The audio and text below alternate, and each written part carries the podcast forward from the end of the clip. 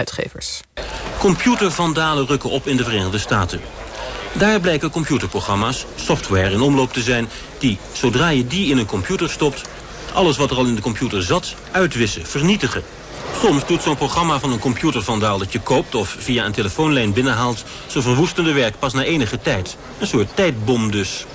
Gevolg kan wel zijn honderdduizenden gulden schade... aan zakelijke of wetenschappelijke computerbestanden computervandalen rukken op. Zo signaleerde het journaal dus al in 1987. Uh, eh, dat was krap een jaar nadat het eerste computervirus was gesignaleerd. En inmiddels zijn de computervandalen van vroeger uitgegroeid tot professionele digitale legers. Ja, en het Nieuwe Instituut in Rotterdam brengt een dubbelzinnige ode aan de geschiedenis van het computervirus met de tentoonstelling Malware Symptoms of Viral Infection. En Ontwerper en gastcurator eh, Bas van der Poel is hier. Welkom. Hi. Uh, ik heb begrepen dat jij bent geboren in het jaar dat ook het eerste virus is geboren. Of? Klopt, ja, ja, Ze blijft me achtervolgen al heel mijn leven. Ja. ja. En welk virus was dat? Uh, Brain. ook wel bekend als Pakistan Flu. En het was ontwikkeld door twee Pakistaanse broers. om hun eigen medische software te beschermen voor piraterij. Um, maar dat, dat heeft zich zelf verspreid als een virus.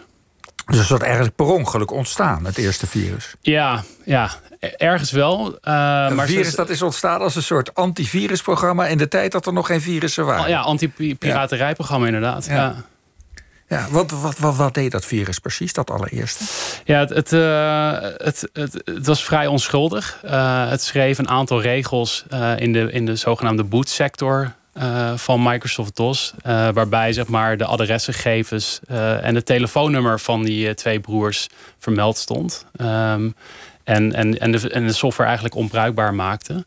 Um, maar het frappante is dat dat telefoonnummer nog steeds werkt ook. Dat is ook een echte telefoonnummer nog steeds.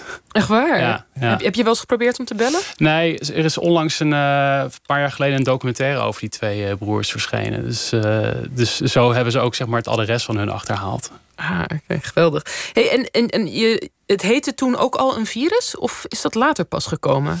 Um, nou, zeg maar, de, het, het woord virus. In de jaren tachtig uh, had je de AIDS-epidemie. En uh, de media heeft zeg maar, um, zeg maar, die, zeg maar, dezelfde terminologie toegepast op, uh, op computervirussen. Dus dingen als symptomen, infectie, virus zelf. dat, dat is daaraan ontleend eigenlijk. Ja, precies. En, en, en is dat dan een soort media-hype geweest? Of, of waarom zagen ze die parallellen? Waar kwam dat vandaan, denk je? Um, nou ja, het, is, het is zeker een, media-hype geweest. Het, is, uh, het is, heeft zichzelf heel erg. Uh, een soort van media-hysterie is er eigenlijk ontstaan rondom die uh, computervirussen. En. Uh, ik, ik, denk dat er zijn ook sowieso wel parallellen te trekken met, met computervirussen, digitale virussen en, en, en virussen in de fysieke werkelijkheid. ze verspreiden op een soortgelijke manier. dus ik denk dat daaruit het parallel is ontstaan. Ja, en, en ook diezelfde angst. Heerste er ook diezelfde angst? Net, ja, bedoel, de AIDS-epidemie, dat was natuurlijk iets heel uh, angstaanjagend. Zeker in die beginjaren. Want er was, er was niks wat je er tegen kon doen. Ja. Was dat ook een beetje wat speelde met computervirussen? Ja, zeker. Het, het is iets ongrijpbaars. Het is uh, vaak onzichtbaar. Uh, je weet niet hoe je jezelf tegen kan wapenen. En het blijft zich door-evalueren. Dus, dus ik denk zeker dat daar een parallel valt te trekken, ja. Ja, en, en hoe kijken wij nu naar die oude virussen? Hoe heb jij zelf als ontwerper bijvoorbeeld...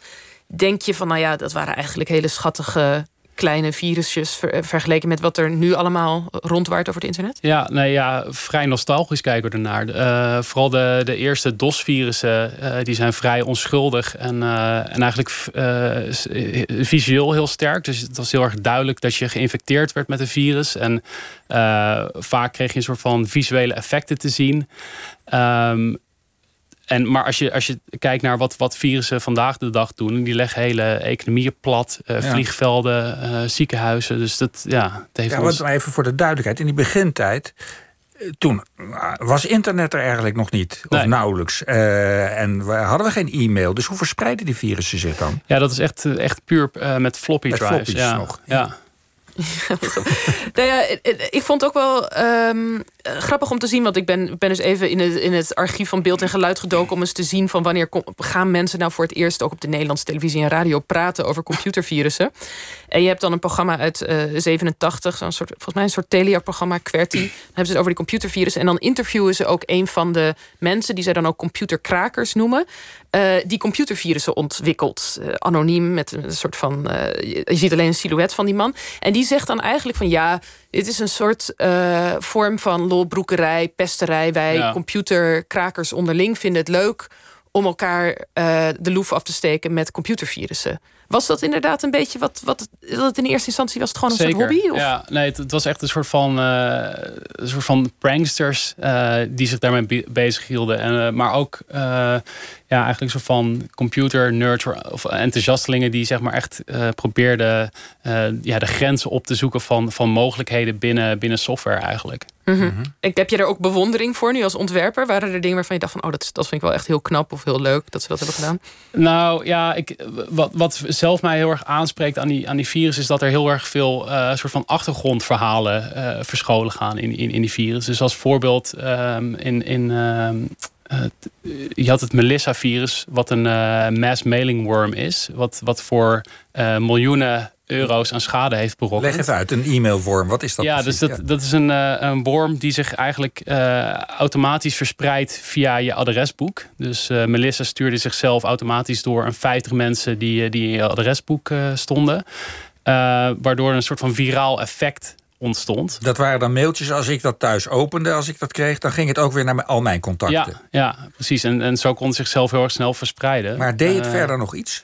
Nee, dat was het. Nee, het, het, het verspreidde zich. Maar als gevolg dat zeg maar, de e-mailservice niet meer aankonden... en, en heel veel e-mailservice eruit klapte, zeg maar... Uh, maar het, het, het, het, grappige of interessante aan dat uh, virus is dat het um, um, is vernoemd naar de favoriete stripper van de auteur, Melissa. Hm. Uh, en zo heb je heel veel van dat soort Het was een ode aan die vrouw eigenlijk. Ja. ja. ja. wat, wat is jouw favoriete virus? Dat... Um, nou, ik vind, uh, ik vind het coffeeshop virus erg uh, aandoenlijk. Het is een soort van eerste vorm van hacktivism, uh, zou je kunnen zeggen. Uit de jaren tachtig komt het ook. En, Vertel, wat is dat voor virus? het, is, het is een DOS-virus en het laat een groot 8-bit marijuana-blad zien op je, op je scherm.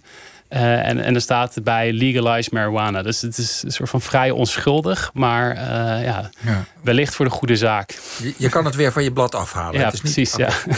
ja. Hey, en en uh, nou, dit is dan allemaal nog een beetje onder de categorie nerdy individu op, op zolderkamer, waar we het nu over hebben. Hoe heeft het virus zich daarna ontwikkeld? Wanneer werd het echt een, een groter probleem? Nou, in, zeg maar, toen, uh, um, toen die virussen zich steeds sneller gingen verspreiden door middel van het internet, zag je eigenlijk dat uh, criminele organisaties uh, zich ermee gingen bemoeien. En, en eigenlijk ransomware begonnen te ontwikkelen. En ransomware is eigenlijk um, virussen die je computer informatie encrypten. Dus je kan niet meer, ik heb geen toegang meer tot je bestanden. en ze vragen ja, los geld om, om weer toegang te krijgen tot je bestanden. Dus je moet door middel van bitcoins of, of ander betalingsmechanismen geld overmaken naar die organisatie. Ja, dus je en computer dan, wordt gegijzeld, ja, soort van. Ja. ja. Ja. Um, en, en, en vervolgens, dat, dat, is een duidelijke stap. En, en wat je eigenlijk de laatste, nou ja, wat is het? Uh, zes, zeven jaar echt uh, zwaar ziet ontwikkelen. Of nou ja, langer nog trouwens, tien jaar. Um, zijn uh, dat, dat soort van overheden zich gaan bemoeien met virussen. Dus dat je echt, ja, dat ze voor geopolitieke doeleinden worden ingezet. Ja, precies. Hey, tot slot, want het is een, het nieuwe instituut, dat is een, een, een kunstinstelling, toch? Als ik het, uh, ja, digitale cultuur en uh, architectuur. Ja. ja. Het lijkt mij heel moeilijk om, om iets ongrijpbaars als zo'n virus, op, misschien op die allereerste virussen na, om dat zichtbaar te maken. Hoe hebben jullie dat aangepakt? Ja, ik heb samen met uh, Tomorrow's Bureau uh, eigenlijk artistieke interpretaties gemaakt van die virussen. Dus heel erg goed gekeken uh, wat, wat die virussen doen en wat de effecten daarvan zijn. en, en die eigenlijk gevisualiseerd um, in, met, met behulp van animatie. Geef eens een voorbeeld. Um, nou, we hebben bijvoorbeeld uh, een, virus uh, Polocrypt, wat vernoemd is naar, uh, naar Breaking Bad, Los Polos Hermanos, die chicken chain in die serie. daar hebben we een, ja, een, een, een, doos met allemaal kip chicken nuggets die eruit vliegen en, en bestanden op slot zetten. Het is ja, je, je moet het zien. Goed, hartelijk dank uh, Bas van der Poel. Uh, en inderdaad, wie het wil zien, de tentoonstelling heet dus Malware Symptoms of Viral Infection en is vanaf 5 juli te zien in het Nieuwe Instituut in Rotterdam.